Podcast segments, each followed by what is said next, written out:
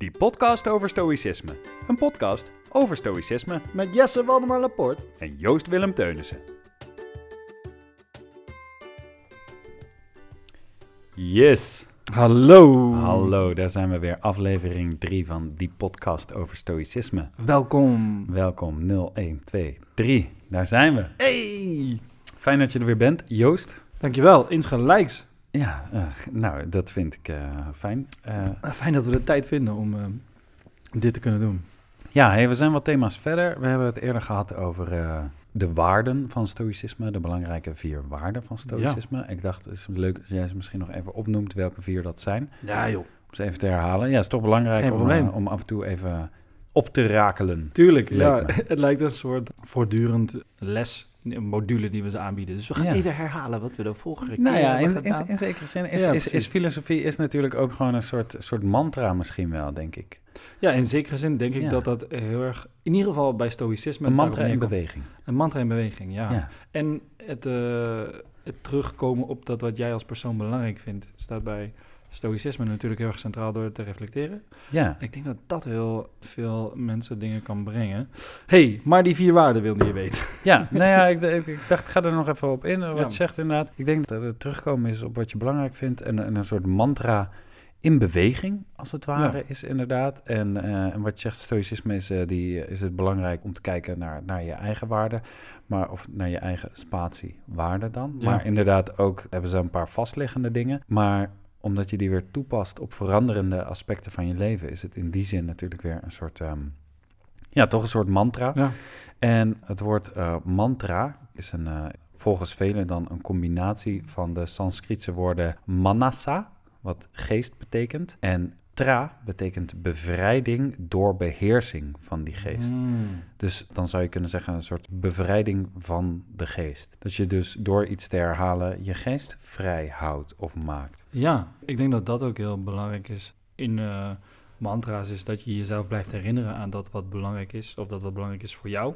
Ja, Ik denk dat dat soms nog wel eens je geest je soort van loopje met je kan nemen daarin. Ja. Zo van, hé, hey, ja, je vindt dit belangrijk. Maar ga je eens even zorgen maken over eh, dat ding van twee weken geleden? Of ja en, ge- eh, en gek 20 jaar genoeg geleden. geef je dan je geest dus de ruimte door terug te grijpen op iets dat vast ligt. Dat is Ja. natuurlijk eigenlijk maf. Ja, Dus het, eh, meer ruimte nemen door vast te houden aan iets dat jou ruimte geeft. Ja, precies. Dat, is- dat is natuurlijk een interessante, Ja.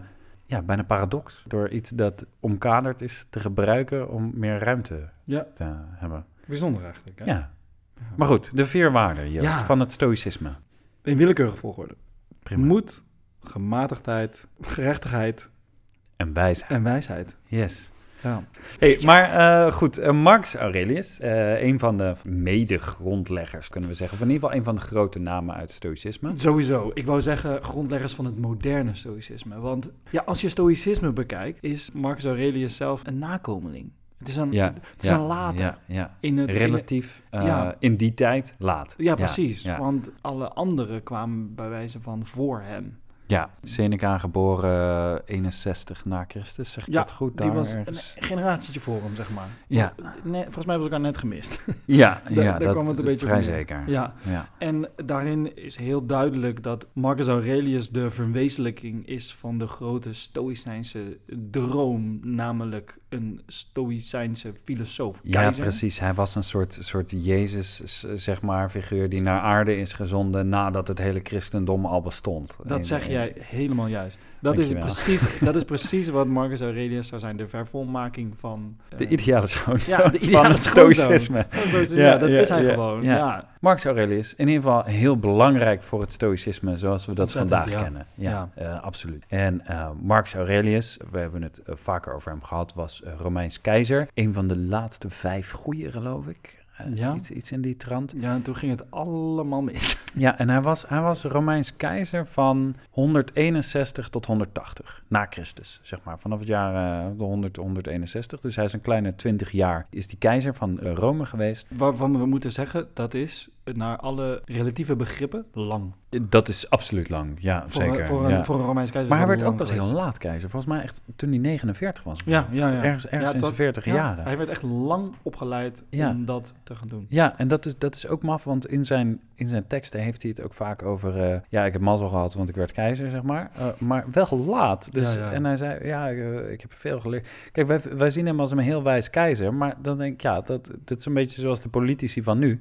Die beginnen heel vaak pas op een vijftigste. Ja, ja. Vergrijzing was toen al een ding in eh, de politiek. Hij wordt beschouwd als een soort de laatste grote vertegenwoordiger van, van STOA. Dat zou je kunnen zeggen, ja. Maar hij hield dus een dagboek bij. We kennen het in het Engels als Meditations, maar hij was, hij was geen Engelsman. We kennen het in het Nederlands als overpeinzingen. Dus die termen zijn wat mij betreft gelijk. Ik vind Ja. niet dat een Engelse vertaling per se meer eer aandoet Nee. aan zijn waarschijnlijk Latijnse teksten dan het Nederlands. Ja. Dus ik denk dat het zijn allebei vertalingen, tenslotte. Ja, precies. Overigens staat geloof ik dit boek in de top 50 van de wereldliteratuur. Oh, kijk. Momenteel. Heel goed. Ja, nou ja, en dat, dat is gelijk grappig. Want het verhaal wil, we hebben wel eens moeite gehad om dat te geloven, maar het verhaal wil dat het echt een dagboek was. Dat hij nooit Ja. de overtuiging had dat dit ook maar door iemand gelezen zou worden. En dat zijn dagboek als het ware gevonden is. Dat is de theorie. En ik stel voor dat we daar niet al te diep over in discussie Nee. gaan vandaag, want dan wordt dit een nog saaiere podcast dan dat we al deden vermoeden in het begin. Ja. Maar het wordt echt heel leuk hoor, jongens. Nee. Nee, want Marcus Aurelius is echt heel boeiend. En het, het, het boekje Meditations of Overpeinzingen is echt heel boeiend. Het is Mm. kort, het is klein. Koop het. Het zijn hele korte teksten. Het is heel erg leuk om, eh, ja, om twee te dagen ben je lezen. er doorheen. Doe het. Absoluut. Het is echt heel lekker om te lezen als je het stoïcisme wil instappen. Hoe dan ook, hij lijkt wat ons betreft af en toe te schrijven alsof hij wel degelijk wist dat hij een publiek had. Anderzijds durf ik als schrijver te zeggen dat dat nou eenmaal is hoe je schrijft soms. Ik, eh, Ja. ik, ik ben op mijn veertiende begonnen met schrijven. Schreef toen al alsof het ooit gelezen zou worden, zonder dat het de bedoeling was dat het Mm. gelezen werd. Soms, soms doe je dat, dat kan. Ehm, maar goed, wij hebben, wij hebben allebei hebben we dit gelezen. Dit eh, boekje over pijnzingen. Ik, ik nu noem het gewoon even in het Nederlands. Vind je dat goed? Ja, Want natuurlijk. Daar gaan we het zo ook over hebben. Ja. Wat, ik, wat ik voor vandaag had uitgekozen, had voorbereid en ook eh, naar jou heb gestuurd natuurlijk, is boek 4. Ik durf niet te zeggen waar dit is geschreven. Dit, dit kan natuurlijk overal geschreven zijn, want eh, het Romeinse Rijk was enorm. En elk boek is ergens op een veldtocht geschreven.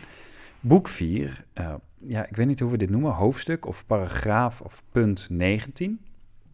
En dat gaat over roem. En ik wil het even voorlezen natuurlijk. Boek 4, hoofdstuk 19 uit Overpeinzingen van Marcus Aurelius. Hij die roem bij het nageslacht wil verwerven, realiseert zich niet dat ook degenen die de herinnering aan hem levend houden, spoedig zullen sterven en dat dit ook het lot van hun nageslacht is. Zo verdwijnt de herinnering aan ons bestaan volledig, omdat zij in stand moeten worden gehouden door anderen die ook weer verdwijnen. Zelfs als roem en degene die zich u herinneren onsterfelijk zouden zijn, wat hebt u daar dan aan? Het is duidelijk dat dit voor een overledene geen verschil maakt. Wat is tijdens uw leven het nut van lof meer dan een mogelijk aangename bijkomstigheid? Zolang u denkt aan wat anderen in de toekomst over u zullen zeggen, gaat u ten onrechte voorbij aan wat de natuur u op dit moment geeft. En dan allereerst natuurlijk even de noot dat het schijnt dat het uitzonderlijk en bijzonder was voor die tijd dat hij in de je-vorm schreef. Hij, of in dit geval dan u. Maar hij, hij schreef dit als het ware aan zichzelf. En dat Ja. maakt het ook een heel prettig leesbaar boek, omdat het dus aan ons als lezer gericht lijkt. Precies. En dat, dat was voor die tijd bijzonder. Maar laten we voor het gemak nog steeds even aannemen dat hij dit werkelijk aan zichzelf schreef en geen idee had dat iemand ooit het dagboek van de keizer kon vinden. Overigens was het wel zo dat een van de redenen waarom het voor zichzelf geschreven zou zijn, was dat er tussendoor in het hele boek ook eh, hoofdstukjes zouden zitten. Waarbij je echt heel erg moet weten waar hij het over heeft. Hmm. Zo van, weet je nog die ene keer, Marcus, dat ja, je dit precies. deed? Ja, ja, ja, ja. Daarom zou het heel erg naar zichzelf gericht zijn. Maar dat neemt niet weg. Dat stukjes zoals deze heel erg kunnen lijken op het moment dat jij ze leest. Zo van, nou, dit, dit is aan mij gericht. ja, ja kan absoluut. niet anders. Ja, dit, ja. dit heeft een lezer voor ogen gehad. Hij heeft een publiek invloed. Maar goed, dat, dat Ja. geheel terzijde. Hij schrijft dat roem willen oogsten, dat dat onzinnig is. Want jij gaat dood en als je doodgaat heb je niets aan roem. De mensen die jouw roem eh, kunnen onthouden, gaan ook dood. Ja, En zelfs als dat niet zo was, als jouw roem en die mensen onsterfelijk waren, heb je daar nog steeds niks aan. Je kan roem niet eten, zou je vandaag de dag kunnen zeggen. Zeker. En die laatste zin vond ik, eh, vond ik wel sterk. En die gaat ook iets meer in op het stoïcisme over de natuur natuurlijk. Ja. Zolang u denkt aan wat anderen in de toekomst over u zullen zeggen, gaat u ten onrechte voorbij aan wat de natuur u op dit moment geeft. Ja. ja, en daarin spreekt hij echt als een van de grondleggers van het moderne stoïcisme. Zeker in die natuur. Dat is dieper uitgezocht. En daar mm, in meerdere momenten in het boek neemt hij dus de natuur terug. En hij heeft het over de menselijke natuur. En dat je moet leven volgens de aard van de Hmm. menselijke natuur. Ja, Dus dat is zijn kapstok, zijn referentiepunt, waar hij vaker naartoe terugkomt. En inderdaad, de vergankelijkheid van die roem. ja. Daar spreekt hij over. Wat was hier sprekend aan voor jou? De eerste vraag die bij mij opkwam, en die is misschien niet geheel terecht, omdat hij ook gelijk weer een aantal aannames in zich heeft, is maar wat is het toch in ons mensen dat wij zo graag zoeken naar roem? En daarin doe ik natuurlijk gelijk de aannemen dat we daar naar zoeken, maar ik denk Mm. dat, we, dat we genoeg voorbeelden hebben in ieder geval waarin dat het geval is. En Zeker moderne, in de moderne tijd zijn Ja, absoluut. voorbeelden. Ja, en misschien ook wel vroeger, dat, dat durf ik niet te zeggen. Ik heb, ik heb de- mijn boekverslagen op de middelbare school gingen over... Ik heb toen vijf boeken gelezen met het woord roem erin. Oh, Ik vond dat een grappige samenhang. Ik had toevallig Eeuwige Roem gelezen. Ik vond een mooi boek. En toen kwam ik een ander boek tegen en dat heette De Tol van de Roem. En toen dacht ik, nou weet je wat, ik ga gewoon door op deze tour. Dan gaan we daar naar kijken. En dat was helemaal niet per se een, eh, een interesse die ik had, maar de, een interesse die ontstond. En nou ja, we weten dat, dat er veel mensen zijn in ieder geval die streven naar roem. We hebben het woord beroemd. En roem is iets dat je bij leven en bij dood zou kunnen hebben. Maar op een of andere manier, en daar hebben we denk ik misschien al wel in een eerdere opname ook over gehad, eh, zijn we vaak op zoek naar een soort onsterfelijkheid Ja. en naar nalatenschap. En over wat laten we na, wat doe ik nu, zodat ze, me, zodat ze mij later nog herinneren. En ja, dit zit me wat dat betreft wel even op de plek van ja, waarom zou ik zoeken naar waarom ze mij later nog herinneren, terwijl wat ik nu doe veel belangrijker is. En dan is, het- dan is het natuurlijk een mooi idee dat ze mij zich laten herinneren om wat ik nu doe. Maar ik moet dat nu doen en Ja. ik moet dat ook voor het nu doen en Ja. niet voor het later. Ja, nou, ik denk dat je daar precies de spijker op zijn kop slaat wat betreft zijn intenties om je uit een mogelijke toekomst te halen of uit wat mensen in de toekomst van je zouden vinden of wat eh, de overlevering van jou maakt, maar dat jij puur je aandacht en al je intenties richt op dat wat je op dit moment zou kunnen doen met de tijd die jou gegeven is.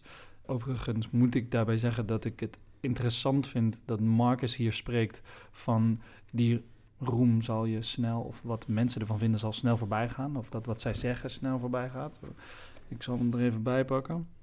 Oh ja, want hij zegt, hij die de roem bij het nageslag wil verwerven, realiseert zich niet dat ook degenen die de herinnering aan hem levend houden, spoedig zullen sterven. En dat dit ook het lot van hun nageslacht is. Als we Seneca mochten geloven uit de vorige aflevering, eh, is het leven nogal lang.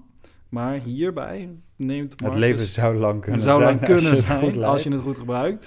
Maar hierbij zegt Marcus eigenlijk dat ook de mensen die je zullen herinneren spoedig zullen sterven. Dus wat is dan die herinnering?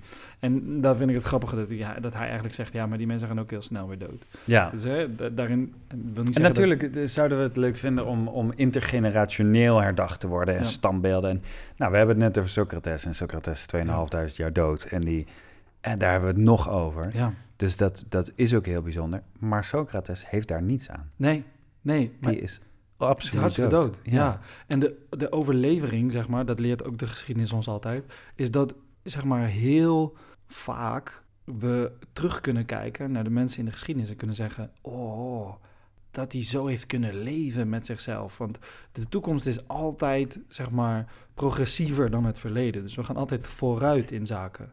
En we kunnen daarin altijd zeggen dat er een soort stijgende lijn is in, in bepaalde zaken. En het heeft geen zin om daarop te anticiperen, zegt Marcus, op wat er in de toekomst gebeurt. Als je, als je daarmee bezig bent met je la- nalatenschap, ben je eigenlijk te veel in de toekomst aan het leven. Ja, En wat hij probeert, is je te richten op het hier en nu. En wat je eh, zou kunnen bereiken met de tijd die je gegeven is. En zeg maar in het afwijzen van, denk niet te veel na over die roem... of over dat wat mensen in de toekomst over je zou kunnen denken... drukte je eigenlijk met je neus gewoon in het hier en nu.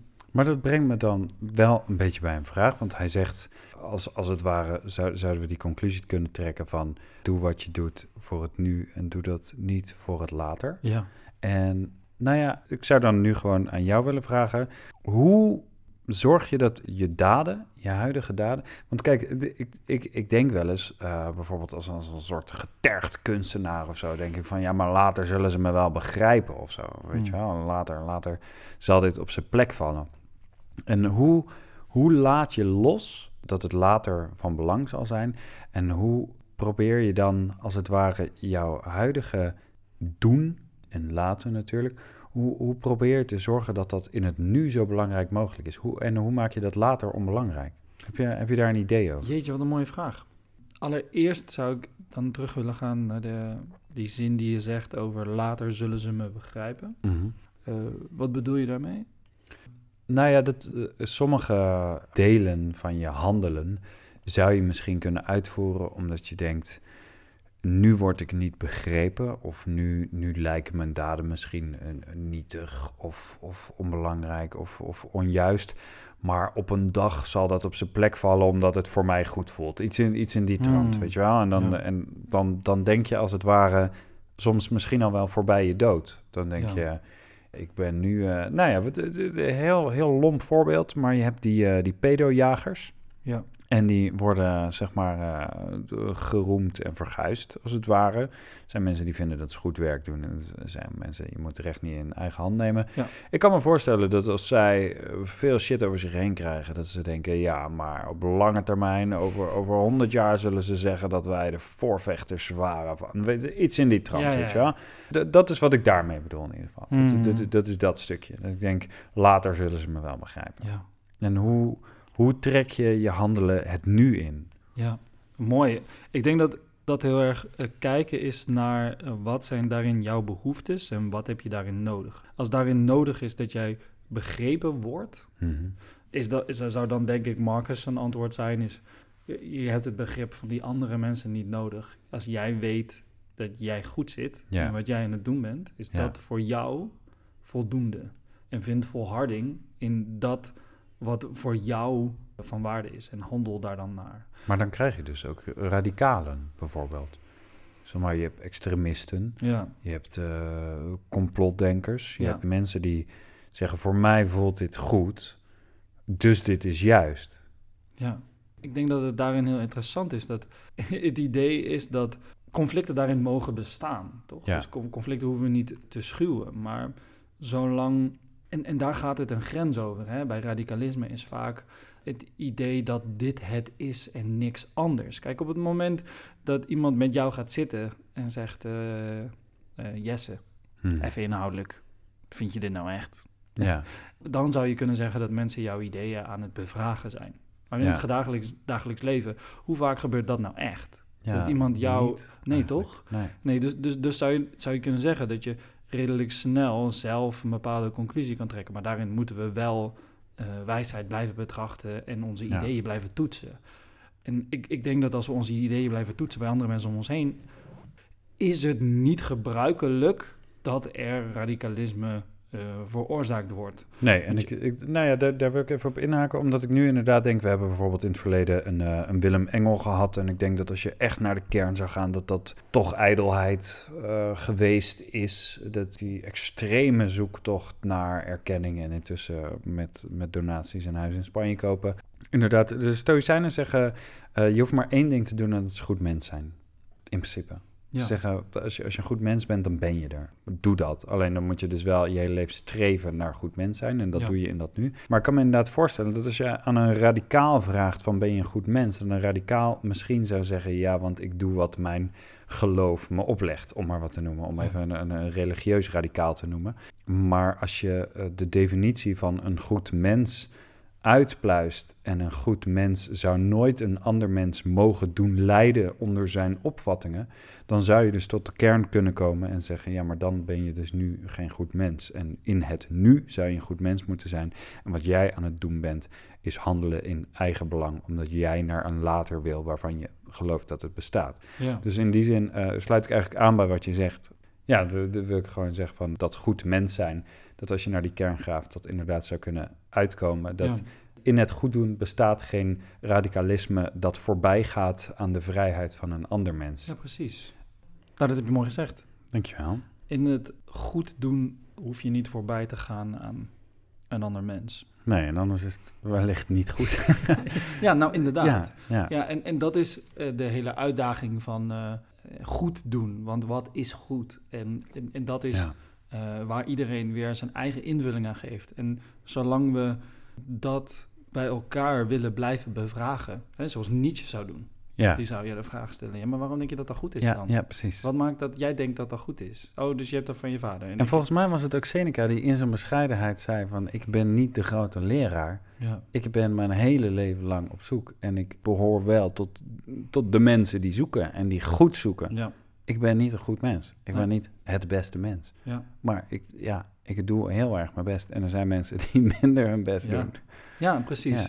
Ja, en, en, en dat is een gegeven en meer dan dat is het niet. Nee, Het hoeft geen waardeoordeel te zijn over anderen. nee. Want dat, ja, dat is weer zo'n ego-construct. Ja, Daar heb precies. je vrij weinig aan. Ja, want ik merk dat ik nu heel erg de neiging heb om mensen die niet zoeken naar een goed mens zijn, te veroordelen.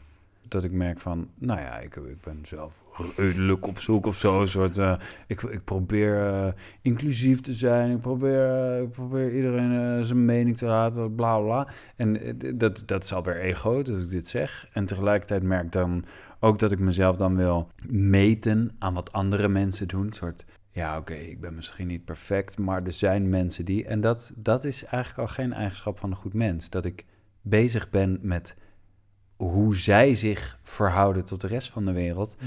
Als ik die tijd ook zou kunnen besteden aan mezelf ontwikkelen. En Ja. nou ja, als in die theorie een zinnetje zit met ik ben niet perfect, nou waarom dan niet? En als Ja. ik dan uitpluis, waar schort het aan bij mij? Ik maak blijkbaar nog hier en daar een grap die niet door de beugel kan, of ik besteed mijn tijd niet goed, of ik, eh, nou, als tijd een bron is en er gaat te veel op aan on- onnuttige zaken, waarom ben je dat dan niet aan het doen? Waarom ben je niet jezelf aan het ontwikkelen? Waarom ben je niet iets aan het doen dat goed is voor de wereld? Of ben ik misschien bezig met het bouwen, en dan komen we weer terug bij het punt, aan een imperium voor na mijn dood? ja. Dan is dat onzinnig. Ik moet nu een goed mens zijn, want Ja. na mijn dood heb ik niets aan een goed mens zijn. Hoewel het in wezen, kijk, ik snap heel goed wat je zegt, hoewel het in wezen heel menselijk is om dit te doen. Zeker als ik je hoor zeggen in vergelijking tot anderen. Hoewel in, we- in jezelf vergelijken met anderen is altijd ook weer zo'n slangenkuil waar je jezelf ingooit. Want op het moment dat je jezelf vergelijkt met anderen, is er geen einde meer aan. Nee. Ja, en, en, en, dat, en dat maakt het daarin altijd zo lastig om, om jezelf bij jezelf te houden of, of bij je, je lees te houden. Ik denk, ik denk dat ik het een, een hele mooie realisatie vind en een hele scherpe reflectie van jezelf. Dat je in staat bent om dit eh, te doen. Ik denk dat de uitdaging is om hierop door te gaan. En, en Ja. verder naar te kijken van eh, wat je daarin eigenlijk in zekere zin voor jezelf zou kunnen doen. Ja, precies. Ja, En en, die, en, zonder die, dat je heel ijdel bent. en, die, en die vergelijking is misschien ook niet onnodig. Want als je jezelf vergelijkt met wie beter was als mens, is dat ook oké. Als, als ik mezelf. Kijk, je, je kan ook alleen maar leren door te vergelijken. En als, als wij in een ruimte zijn met allemaal mensen die slimmer zijn dan wij, dan weten we, hier kunnen we iets leren. En dat, Mm. dat is ook oké. Maar als wij onze prestaties gaan vergelijken en dan zeggen, oh, maar ik doe dit beter dan die, dan komt er een, een soort vulgaire ijdelheid Ja. overheen natuurlijk. Ja. Ja. dat wijkt dan weer af waarschijnlijk van wat een goed mens is, denk ik. En ik denk, ik denk dat die zoektocht naar goedheid, dat dat een, eh, een interessante is en deels ook een confronterende, omdat het gewoon ja, bijna lekker is om je. Daarom kijken mensen natuurlijk ook, ook naar commerciële zenders om zich goed te voelen over zichzelf. Die kijken naar, naar programma's van mensen die dommer zijn dan zij, omdat ze denken: ik ben slimmer dan zij. Ja.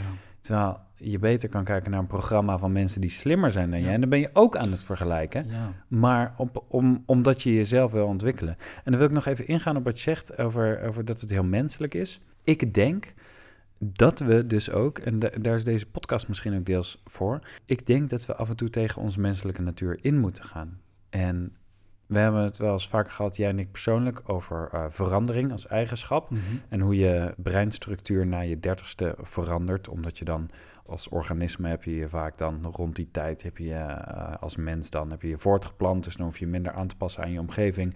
Dus word je minder flexibel van geest in, in biologische zin. En dat maakt... doet de mening van anderen je minder, omdat je vaak die taak volbracht hebt. Ja, ja maar je gaat je ook minder aanpassen. Je, hoeft, je, je, hebt, je aanpassingsvermogen wordt kleiner naarmate je ouder wordt, omdat het er minder toe doet. Je hoeft niet meer in de groep te passen, want jouw kinderen zijn geboren, als het ware. En dat maakt dus gewoon wetenschappelijk gezien eigenlijk dat je tegen je natuur in moet gaan. Wil je een flexibeler mens zijn? Wil jij meedraaien in deze maatschappij waarin allerhande verander, veranderingen aan de gang zijn. Uh, bijvoorbeeld stoppen met vlees eten, verandering van geslachten die je nog niet kent, verandering van een politieke landschap dat je niet mhm. kent, verander, veranderingen van, nou misschien eh, heffen we op een dag de grenzen op, de verandering van de gulden naar de euro, dat soort dingen. Dat is moeilijker voor mensen die, die ouder zijn, niet omdat ze ouder zijn, maar omdat gewoon werkelijk je brein zo werkt. En dat maakt in die zin dat je dus tegen je natuur in moet gaan, wil je flexibel blijven. En zoals jij net zegt, van ja, misschien is het heel menselijk om jezelf te vergelijken. Dat kan ik me voorstellen. Ik kan me voorstellen dat die vergelijkingsdrang en die ijdelheid en die ego die mm. daarmee gepaard gaat, dat die heel menselijk is. Maar ik kan me dus ook voorstellen dat je daar dus misschien tegen moet vechten. Ja. Het is bijvoorbeeld ook heel menselijk om toe te geven aan je angsten. Ja. Om als jouw lijf zegt, dit gaan we niet doen, om te luisteren. Ja. Maar soms is je angst geen goede raadgever, soms wel. Gelukkig uh, leeft de mens nog omdat die angst ervaart. Wij zijn niet opgegeten door sabeltandtijgers, omdat we dachten, ja, precies. goh, slecht plan om hier voor te blijven staan. Uh, maar ja, soms, soms zeg je angst, ga niet solliciteren. Want ze gaan je uitlachen. En dat maakt dat je bijvoorbeeld in je uitkering blijft zitten terwijl je wel die baan wilde. Bijvoorbeeld. Ja. Ja. Even hardop denken natuurlijk. No offense naar wie dan ook. Ja. Dus daar moest ik aan denken toen je dat zei. Ja. Van, uh, misschien is het menselijk. Ja, ik vind dat een hele mooie, want ik heb een uh, soort van basiscursus uh, neurologie gehad, waarbij het ging over axiomen en dendrieten. En axiomen zijn zeg maar de, de knooppunten van de, van de hersenen, mhm. waarin bepaalde de, uh, dingen samenkomen. En de dendrieten zijn zeg maar de verbindingen naar de andere oh, axiomen. Dus ja, die met bepaalde druk zouden die, zouden die verwijden, toch? Ja. Bij ayahuasca-ceremonies nou, gaan, gaan die weggetjes nou, daar, breder. Dan, maak je het heel, dan maak je het inderdaad al heel bond. Die, die axiomen en dendrieten die gaan verbindingen aan met elkaar. Mm -hmm. En dus te vaker jouw hersenen bepaalde verbindingen maken, mm dus de breder die verbinding wordt, dus te sterker die verbinding is en dus te meer geneigd ben je oh, die verbinding te maken. De olifantenpaadjes en de snelwegen, zeg maar. Ja, ja, ja. dus je, je brein is ook geneigd om een snelwegen te denken. Maar op het moment dat jij jouw brein letterlijk uitdaagt om naar de olifantenpaadjes te blijven kijken, om niet te verharden in je overwegingen, in je overtuigingen, in de manieren, maar continu op zoek bent naar nieuwe, vernieuwende dingen die je niet in het verleden deed. Dus je bent de verandering omarm je, als het ware. Mhm. Denk ik, en zegt de, de neurologie, dat je daarmee in staat bent om die, die, die proeven van de biologie een beetje, uh, al is het maar tijdelijk, uit te stellen. Ja, ja. En uh, daarin uh, tegenin kunt gaan. Dus eigenlijk ben je dan een soort, soort bijna micro-evolutie aan het toepassen op je eigen brein. Ja. ja. Nou, is grappig dat je het zegt, want het is iets waar ik de laatste tijd heel vaak over heb gehad. En dat gaat over de actieve houding. En de dingen die moeilijker zijn, en dat gaat heel vaak over aanpassing, vragen een actieve houding. En een actieve houding is iets wat we liever niet hebben. Het is, uh, het, het is veel makkelijker om achterover te leunen in je bestaande overtuigingen dan om je open te stellen voor nieuwe. Ja. Logisch ook. Ik bedoel, als jij gespierd wil worden, als jij een bodybuilder wil worden, moet je sporten. En als jij niks doet, word je een vetzak. Of tenminste, als je daarnaast heel veel eet. Maar, dat, nee, maar snap je, dat, dat, het is makkelijker om niks te doen. En niks doen. Nou ja, je hebt, je hebt zo'n zo'n cheesy Engelse slogan van... Uh, if you do what you always did, you always get what you always got. Of zo, zoiets, zo'n soort zin. En dat is ook heel makkelijk. En ik, ik wil niet iedereen betichten van makkelijk gedrag, maar het ligt altijd op de loer. Want verandering, flexibiliteit, je overtuigingen constant blijven uitdagen, dat vraagt een actieve houding. Heel veel vraagt een actieve houding. En dat is ontzettend lastig om, die maar de om je blik de hele tijd open te houden. En ik heb op een dag bij mezelf ontdekt, en daar ben ik toevallig heel gelukkig mee, om dat Ik heb dat ook moeilijk gevonden. Ik was eh, al vrij snel was ik een soort oude ziel en een jong lichaam met een soort doe eens normaal-achtige dingen, omdat ik dacht dat ik het voor elkaar had. En dat past waarschijnlijk ontzettend goed bij de puberteit. Want in de puberteit denk je nou eenmaal dat je het bij het rechte eind hebt. Je denkt te weten waar je het over hebt.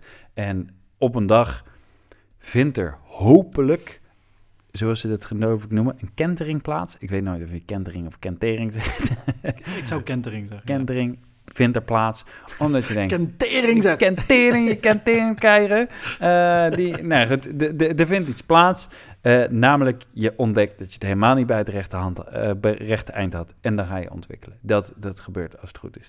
Maar, Maar als wat- je dat privilege hebt. als je dat privilege hebt. Ja, nee, maar er is een kans Ja, dat, ja, je, ja. dat je in je oude patroon blijft. Maar wat er bij mij gebeurde was, ik kwam toevallig in een milieu terecht op een dag dat het me helemaal niet beviel. Daar ben ik uitgestapt en toen was het niks. Toen was het blanco, toen wist ik het niet. En toen ging ik daarna ging ik studeren en ik was redelijk blanco.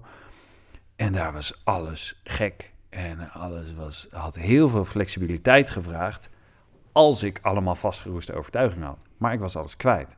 Dus ik waaide mee en ik waaide mee en ik vond alles goed en ik vond alles best. En de ene is veganist en de ander is trans en de ander is lesbisch en de ander die is nazi en weet ik veel. Allemaal, allemaal goed. Eh, het bestond allemaal maar. Ja. N- niet eh, onverwachts om te zeggen, maar ik ging naar de kunstacademie. maar goed, eh, goed en het, het bestond allemaal, het bestond allemaal. En ik merkte op een gegeven moment dat ik, dat ik wat oude gedragingen, oude overtuigingen kwijtraakte door daarvoor open te staan. Ah, want natuurlijk restte er nog wat. En toen merkte ik op een gegeven moment door de jaren heen, ik vind het zo leuk, verandering. En ik kreeg helemaal plezier in nieuwe voornaamwoorden aanleren en, en nieuwe manieren van eten en nieuwe manieren van, van de toekomst. Oh, zonnepanelen, oh, windmolens, Mm. oh, we noemen jou hen en hun. Ik heb zin om dit te leren. En ik merkte dat ik gewoon elke verandering dacht, ja, weet je, als, als dat de groep groter maakt, als dat, als dat het beter maakt, en dat kun je voor jezelf echt wel eerlijk bepalen, Ja. of dingen goed zijn of niet. Want als jij heel hard roept, Zwarte Piet traditie. Nou, als jij naar de kern van je ziel gaat, weet je heus wel dat die groep niet groter wordt als je daarvoor strijdt. Hiphoppers zeggen, hiphop is a way of life. En je hebt eh, mensen zeggen, geluk is niet het doel, maar de weg er naartoe. En ik denk dat het voor mij zo voelde in, in verandering of in flexibiliteit. Dat ik op een gegeven moment merkte, verandering is de weg. Dat klinkt veel meer Messias dan dat ik het bedoel. Mm. Ik bedoel het helemaal niet, niet speciaal van mezelf, maar dat ik gewoon merkte, de, de manier om erin te staan is verandering. Het is niet aannames doen, het is het aannemen dat alles verandert. Ja. Constant. Ja. En er is gewoon een kans dat als we, nou, morgen insecten gaan eten, dat ik dat moet aannemen. En dat het, als het overmorgen met z'n allen alleen maar zeewater drinken, dat dat het is. Tuurlijk moet je, moet je kritisch blijven nadenken. En natuurlijk, natuurlijk heb je je verstand en de wetenschap en je hebt de filosoof. En je, je moet alles erbij blijven betrekken. Maar die, die houding, die actieve houding, ik durf te stellen dat die op een gegeven moment gaat wennen, omdat het een gewoonte wordt om je open te stellen. Ja. Als het dit is wat goed is, dan blijf ik Ja. een, een gekookte en niet een rauwe spaghetti slier. Ja, m- ja mooi gezegd. Leuk dat je afsluit met een spaghetti sliert ook. Ik kan me goed een quote van eh, Heraclitus herinneren. Hij was Mm. geen stoïcijn, helaas. Alleen Ja. Joost kan zich goed een quote van Heraclitus Ja. herinneren.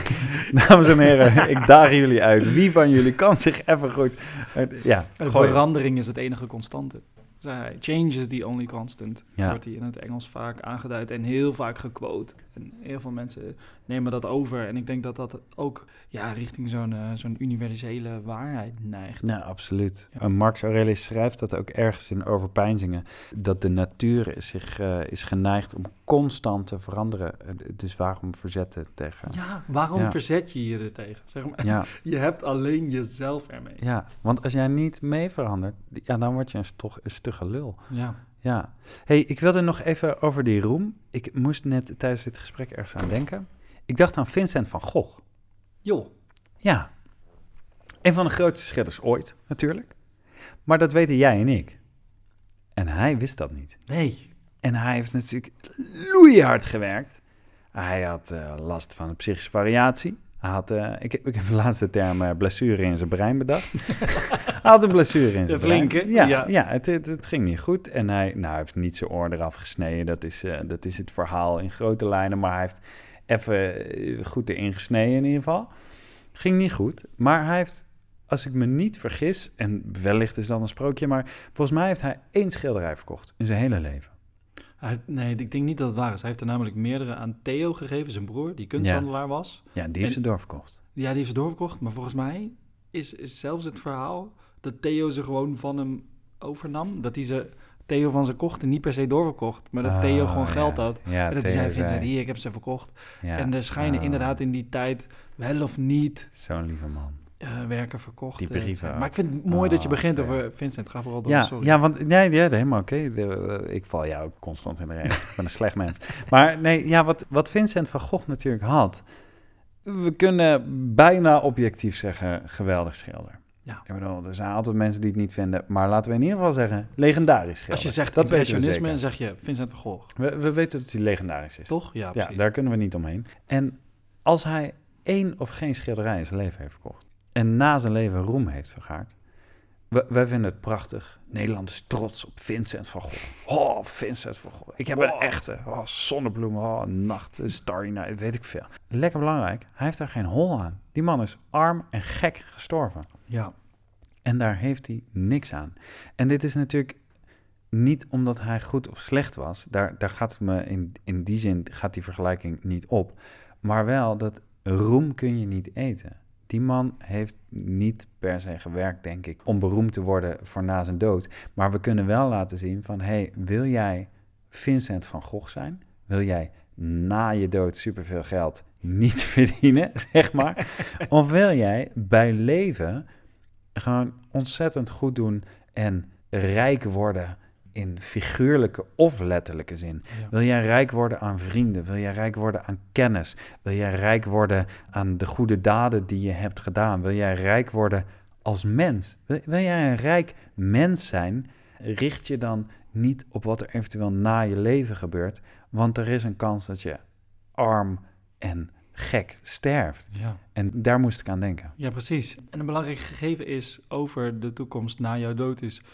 je bent er sowieso niet bij. Je bent er sowieso niet Je bij. bent er sowieso niet bij. Nee. Dus dat maakt volgens de vraag meteen heel duidelijk... wat maakt het dan uit? Ja, Ja, Maar jij bent er niet bij. D- dat is precies hoe Marcus Aurelius het ook zegt. Hij zegt, wat is tijdens uw leven het nut van lof meer dan een mogelijke aangename bijkomstigheid? En daarvoor zegt hij, zegt hij wat als die lof en die andere mensen onsterfelijk zijn, maar jij niet, dan, ja, dan heb je er niks. Stel Ja. dat die, stel de zonnebloemen, laten we zeggen, is 100 miljoen euro waard. En stel morgen 200 en volgende week een miljard. Het maakt niet uit Mm, hoeveel het wordt. ja. Hij heeft er niks aan. Nee. En natuurlijk zegt dat wel iets over, over dat hij bij leven iets heel knaps heeft gedaan. En de metafoor gaat ook maar half op. Mm. Maar het zegt wel dat roem kun je niet eten. Hij heeft nog steeds niet een leven geleid waar hij iets heeft gehad Ja. aan roem. Want Ja. de roem kwam erna. Maar En- hij en- durfde wel iets nieuws te doen. Zeker. En zijn nalatenschap is groots. En ik sta achter alles wat hij heeft gedaan. Hij heeft gewoon niet de erkenning gekregen die hij verdiende. Bij het leven. Ja, dit kunnen we deels over elkaar heen leggen. Ja. Het heeft overlap. Dat als we streven naar iets dat na ons leven komt, dat daar in ieder geval niet de kern ligt. En zeker niet als het gaat om goed doen als mens. Mooi. Ik heb een, ik heb een twijfel. Ik wil nog heel even, je kent mij, ik associeer bij het leven. Doe het. Ik wil nog heel even eh, ingaan als we het hebben over roem. Of Mhm. als we het hebben over lof. Mhm.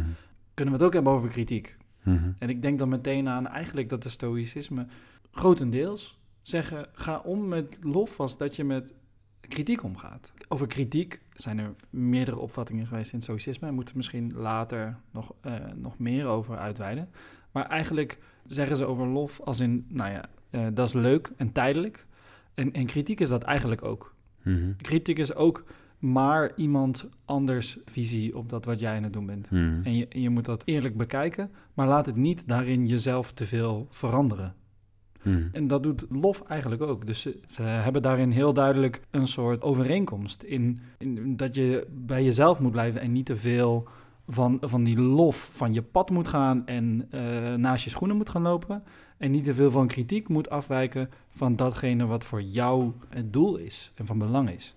Want ja, mensen geven toch maar kritiek vanuit hun eigen referentiekader. En, en dat kan nooit echt zijn hè, van, van wat jouw eh, ding is. En eh, daarbij vind ik het ook altijd heel humoristisch dat ze, uh, de, de ook zoiets hebben. Ik weet niet meer wie het zei, maar er was een Stoïcijn die zei, ja, maak er maar een grapje van. Als, uh, Ja, als ja. mensen kritiek op je hebben, dan is het van, ja, ze weten de helft nog Ja, niet. ja, precies. En ik- ik heb ook altijd de neiging om als mensen lof over me zeggen, om dan te zeggen, ah joh, je zag me op een goede dag. Ja, precies. bij, bij lof zeg je, je hebt te veel gezien. En bij kritiek zeg je, je hebt te weinig Je gezien. hebt er weinig ja, gezien. Ja, ja. Ja, om het in de balans te houden. Ja, ja, precies. Ik denk dat dit, dit nog een heel verhaal apart is. Deels ook omdat het een soort eigen interpretatie is. Deels ook omdat ik gewoon er helemaal niet over na heb gedacht. Maar in eerste instantie denk ik nu, als je die enigszins met elkaar gelijk zou trekken... dan zeggen zij, wees niet bezig met de roem op lange termijn... maar wees bezig met wat eervol is nu...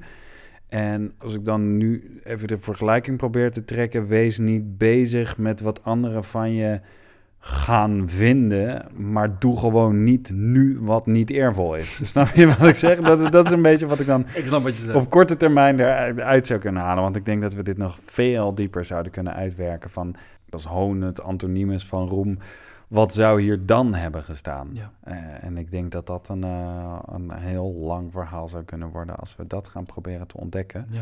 Maar, eh, maar ik vind het een goeie. En ik denk voor nu in ieder geval dat je er inderdaad in zekere zin hetzelfde mee zou kunnen omgaan. Dat kritiek is ook eindig. Als jij weet dat je een goed mens bent, dan uh, die mensen die kritiek leveren gaan ook dood. ja, ja, toch? Ja, Ja, maar. Dat, is, dat is ook zo. En die kritiek sterft met hun. Ja. Nou ja, en zolang je eerlijk blijft kijken naar jezelf Mm. en, wie je, en wie je bent. En of dat kritiek daarbij je kan helpen, moet je dat zeker doen. Ja. En, en lof kan je daarbij ook Ja, helpen ook om, van. om ja, Ja. en lof kan je helpen om, te, om, om, om je zeg maar te bevestigen dat je op de juiste plek aan het werken bent.